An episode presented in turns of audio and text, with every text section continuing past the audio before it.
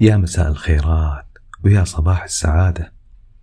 وحياك الله من وين ما كنت ويسعد لي أوقاتك كلها بالخير والهنا والرضا. بالبداية عندي سؤال مهم. أنت كصاحب عمل أو مدير شركة أو مسؤول إدارة التسويق والمبيعات أو التطوير أو الجودة سؤال مهم. ليش تحتاج تسوي دراسة رضا العملاء وعمل برنامج الولاء لهم؟ الحين الأغلبية العظمى اللي جاوبني على السؤال يعتقد أن المسألة شلون نسميها فشخرة زايدة. والفائدة جدا محدودة واللي تصلح له فقط هم ترى الشركات الكبيرة. وطبعا هذا الكلام غير صحيح أبدا. وراح أصدمك يعني بشوية معلومات من تجاربي مع مئات من الشركات اللي طبقت عليها وحققت نجاح معاهم بفضل ربنا. أه يعني معلومة بس معلومة شيء تدري أن احتمالية بيع السلع أو المنتجات أو الخدمات للعملاء الحاليين اللي إحنا نسميهم الاكزيستنج كاستمرز اللي موجودين عندك. احتمالية بيعهم آه، حق هذول العملاء أكبر من احتمالية بيع هذه البضائع أو المنتجات والخدمات لعملاء جدد. اي إيه، احتمالية إيش كثر يعني؟ 5% آه، 10% لا. ممكن توصل 65% زين معلومة أخطر. تدري أن احتفاظك بنسبة 5% بس من عملائك يزيد أرباحك حتى 60% طبعا هذه في بعض الحالات حسب القطاع اللي يعني المجال اللي أنت قاعد تشتغل فيه. تدري إن بقيامك لعمل دراسة رضا العملاء وبرنامج الولاء أيضا. ممكن يزيد من عدد العملاء أي عملاء لا لا العملاء الجدد. اي بس بشكل تلقائي وطبيعي. بنسبة 35% تدري أن العملاء يعتقدون وبقوة أن برنامج الولاء يعني يقوي علاقتهم مع العلامة التجارية بنسبة حتى 76% تدري قيامك بهذه الدراسة تساعد بتخفيض تكاليف التسويق بنسبة كم؟ 5 10 20 لا 40% ويساعد على تقوية العلاقة والثقة بين العميل والشركة بنسبة حتى 85% القائمة آه، اللي ممكن أسطر لك إياها من الفوائد لا تعد ولا تحصى. كلام كبير يا جماعة. ولازم نركز اليوم بهذا الموضوع وهو رضا العملاء اللي بيؤدي إلى زيادة المبيعات والأرباح وتحسين السمعة للعلامة التجارية. بس يعني لأن في مصطلحات وايد بنكررها فأبي في البداية أني أشرح تعاريف مهمة. من أهم هذه التعاريف وهو قياس مؤشر أداء رضا العملاء إحنا نسميه Customer Satisfaction Index ال CSI مختصرها CSI شنو هو؟ هو مؤشر يقيس مدى رضا عملائك عن خدمتك أو منتجك أو المشروع ويعطيك القدرة إيه على تقييم سير عمل مشروعك وتوضيح شنو وين مواطن القوة والضعف وإمكانية التحسين والتطوير ليش؟ علشان آه، نطابق مع توقعات العميل للمنتج أو الخدمة آه، وتحسين الجودة. يعني آه، بمعنى آخر أن العميل في عنده توقعات معينة زين ويعني يتوقعها منك إنك تلبي له إياها. بس ينصدم على أرض الواقع بشيء مختلف. آه هذا الفارق ما بين التوقع والواقع آه الفجوة هذه. إذا كانت قريبة فالجودة عندك ترتفع. أما إذا كانت المسافة كبيرة فالجودة راح تكون منخفضة للأسف. آه ترى وايد بكرر كلمة العميل العميل العميل وهو الأصل في عملية تقييم عملك إي نعم ومنه تقدر إنك تقيم وين وكيف يمكنك التحسين بأسرع وأسهل الطرق اللي تحقق لك إن شاء الله أكبر العائدات والأرباح أيضا. وأيضا تضمن لك يعني إن شاء الله استمرارية العميل لديك وهو شنو؟ الأصل بالتجارة، شنو؟ استمرارية العميل. زين. في مفهوم ثاني وايد مهم اللي هو برنامج الولاء للعميل ال loyalty program. ويقصد به الرغبة المستمرة كلمة مستمرة ها للعميل لشراء أو التعامل مع العلامة التجارية بشكل متكرر طبعا والتي تنشأ نتيجة خلينا نقول التجربة الإيجابية للعميل والمجهود اللي بذل آه، آه، يعني منك أنت كصاحب الشركة أو العلامة التجارية لتقديم خدمة عملاء مرضية آه، تقدم فائدة وقيمة على شكل منتج أو يعني خدمة ويحصل فيها العميل على الفائدة. الحين يعني هذه تعريفات سريعة.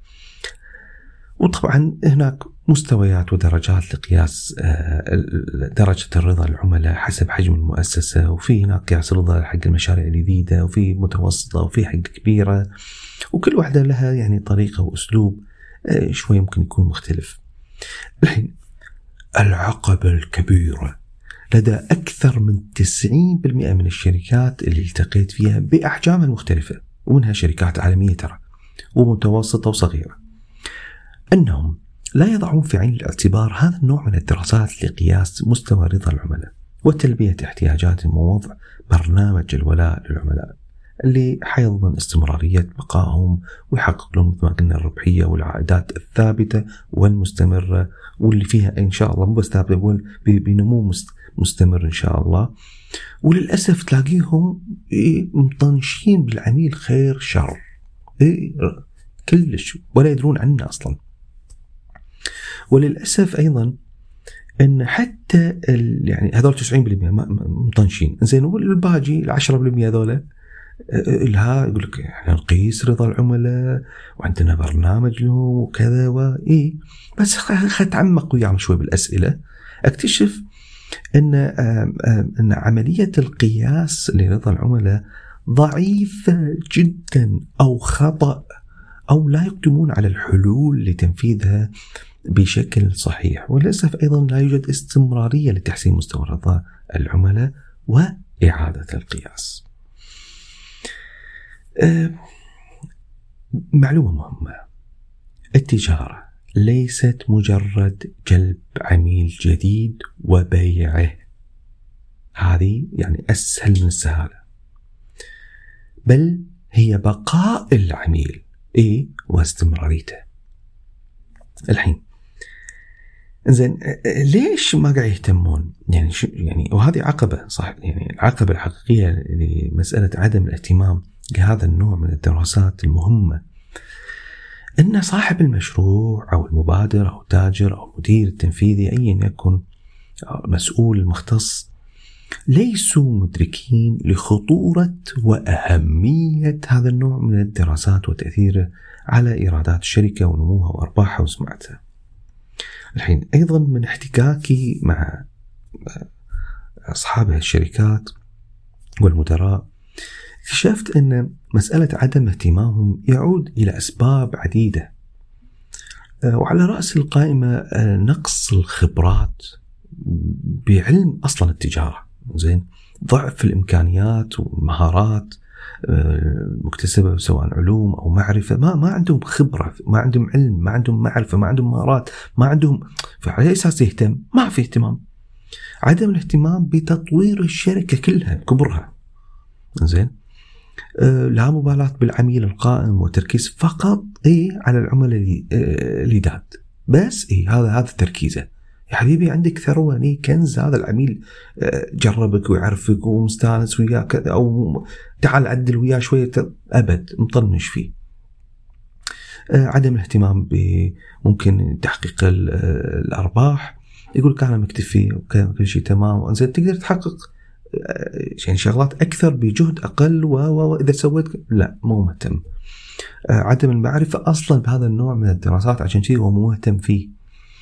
وللأسف أيضا آه، أن في بعض الموظفين إيه المدراء أو الشركاء حتى ما لهم مصلحة في تحسين الشركة وقياس الرضا للعملاء لأسباب كثيرة. ومنها يعني بيبين اللي أكو واللي ماكو ومو لمصلحتهم. الحين وأسباب كثيرة ثانية. الحين هذا الكلام حق اللي ما يطبق دراسة آه، رضا العملاء. وطيب زين واللي قاعد يطبق وهم طبعا نسبة مثل ما قلنا الأقل الغريب أن من يقوم بعمل دراسة رضا العملاء يقع في أخطاء عديدة جدا ومتكررة للأسف وايد أشوفها. وما يقدر يحقق للأسف أي من أهدافه. ولأن أيضا الطريقة اللي قاعد يتبعها يعني فيها أوجه قصور ونقاط ضعف كبيرة. القائمة لا تنتهي بس حقول لكم على الشغلات الأساسية. منها مثل على سبيل المثال إعداد الاستبيانات وهي إحدى الوسائل والأدوات لقياس رضا العملاء وفي وسائل غيرها. إعداد الاستبيانات يا جماعة ترى هو علم علم وتخصص. وتتطلب الخبرة العلمية والعملية وليس أي شخص مؤهل للعمل لإعدادها تتطلب أنه يحط أهداف وخطة على أساسها يتم وضع منهجية الأسئلة للحصول على الإجابات المنطقية والصحيحة اللي ممكن الاستفادة منها وتطبيقها بشكل يتناسب مع إمكانيات الشركة. زين يعني مثلا مثلا قاعد يسأل يسأل باستبيان آه، العميل هل أنت راضي عن الخدمة؟ حلو سؤال جميل. وحاطط لي خيارات للإجابة. شنو؟ نعم أو لا؟ إيه شو أسوي فيهم إجابة نعم أو لا؟ مو كفاية. قل له من صفر لعشرة مثلا. قل له مثلا آه، غير راضي نهائيا آه، غير راضي مقبول راضي جدا را يعني راضي يعني حط مستويات أو درجات لأن هذا هذه الدرجات لها تحليلات آه، جدا خطيرة ومهمة عندنا. إنزين الحين أنت مثلا عرفت إنه هو غير راضي أو مقبول أو غير راضي نهائيا. سأل السؤال المنطقي الثاني عن سبب عدم رضاه. مو المفروض تسأل. سأله مثلا من الأسئلة إن هل توصي فينا حق أحد من أقاربك معارفك؟ ليش؟ يعني شنو أهمية السؤال؟ هذا السؤال من الأسئلة اللي عندنا مثلا وايد مهم اللي يبين لنا إنه هو صدق بيكمل ويانا ولا مثلا لا وتفاصيل تفاصيل كثيرة دقيقة. أيضا من الأخطاء أو نقاط الضعف إن معظم استبيانات استطلاع رأي العملاء تلاقيها طويلة وممكن تحصلها حتى 30 سؤال من صدقك ليش تعقد الأمور أنت؟ يعني حتى عملية التحليل تكون معقدة. إن أيضا هناك العديد من استطلاعات رضا العملاء تلاقيها مثلا بدون اسم. وبالتالي ما نقدر نتابع العميل عشان نسكر الموضوع. آه، لا يتم مثلا تصميم أسئلة استبيان بهدف التفاعل مع العميل وبلغة سهلة بسيطة. آه، آه، معدل الإجابة على استبيانات رضا العملاء يكون مثلا عدد جدا منخفض وقليل بالتالي ما نقدر نعتمد على النتائج. استهداف الشريحة اي نعم هاي جدا مهم. استهداف الشريحة الصحيحة من العملاء أو عددهم للاستطلاع عن رأيهم أيضا مسألة خطيرة. آه شنو بعد؟ آه اي يتم التلاعب بالنتائج في يعني أحيانا مثلا آه، متخصص مثلا في دعم العملاء خدمة العملاء يقول له لا تنسانا بالتقييم الزين كذا يحرجه ما يصير. آه مثلا أن من أوجه القصور والضعف انه يتم اجراءها مرة واحدة في السنة. ولا يمكننا بطبيعة الحال طبعا أن تعكس تعكس ملاحظات العملاء الفعلية. بالنهاية هناك وسائل وأدوات عديدة لقياس رضا العملاء وعمل برنامج الولاء لهم بطرق سهلة وسريعة واقتصادية وفعالة جدا. يعني وسبق طبقتها وايد مع شركات كثيرة. لكن بالبداية نحتاج نفهم ليش بنسوي هذا القياس وكيف نحقق الأهداف منه والأهم إيه؟ أن ننفذ. إيه؟ إيش سوى نتعب التعب كله وما ننفذ. ننفذ الحلول.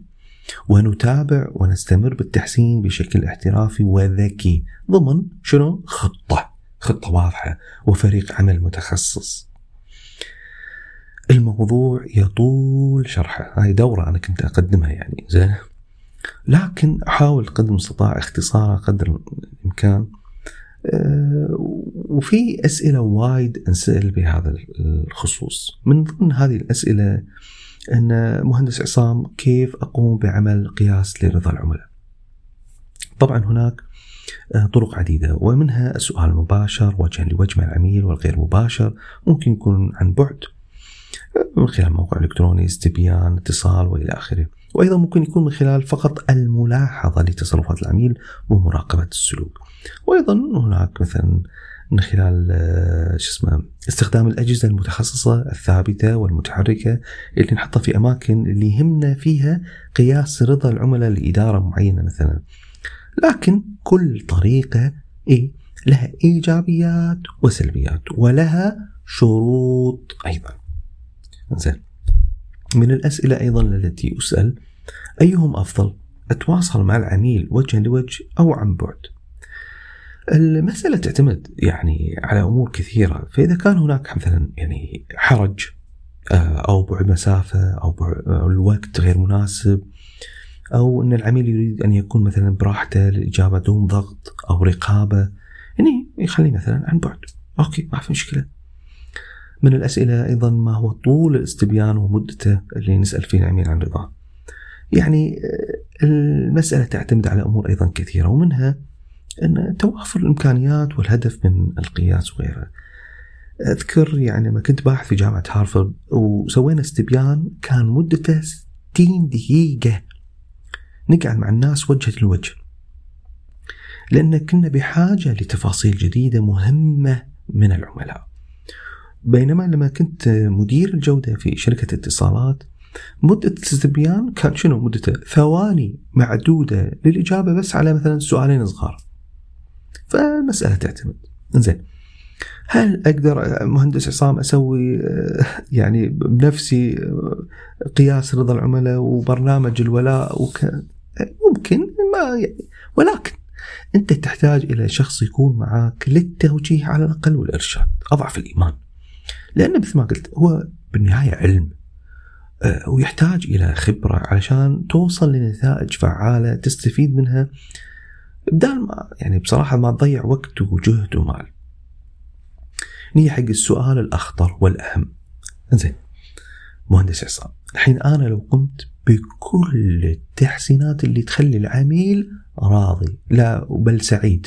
زين هل ممكن أضمن زيادة عائداتي وأرباحي شوف بالتجارة ما في شيء اسمه مضمون طبعا. زين بس بشكل عام اي راح يساعد هذا الموضوع إنه يزود من ارباحك وعائداتك لكن ونحط عليها أربع خطوط.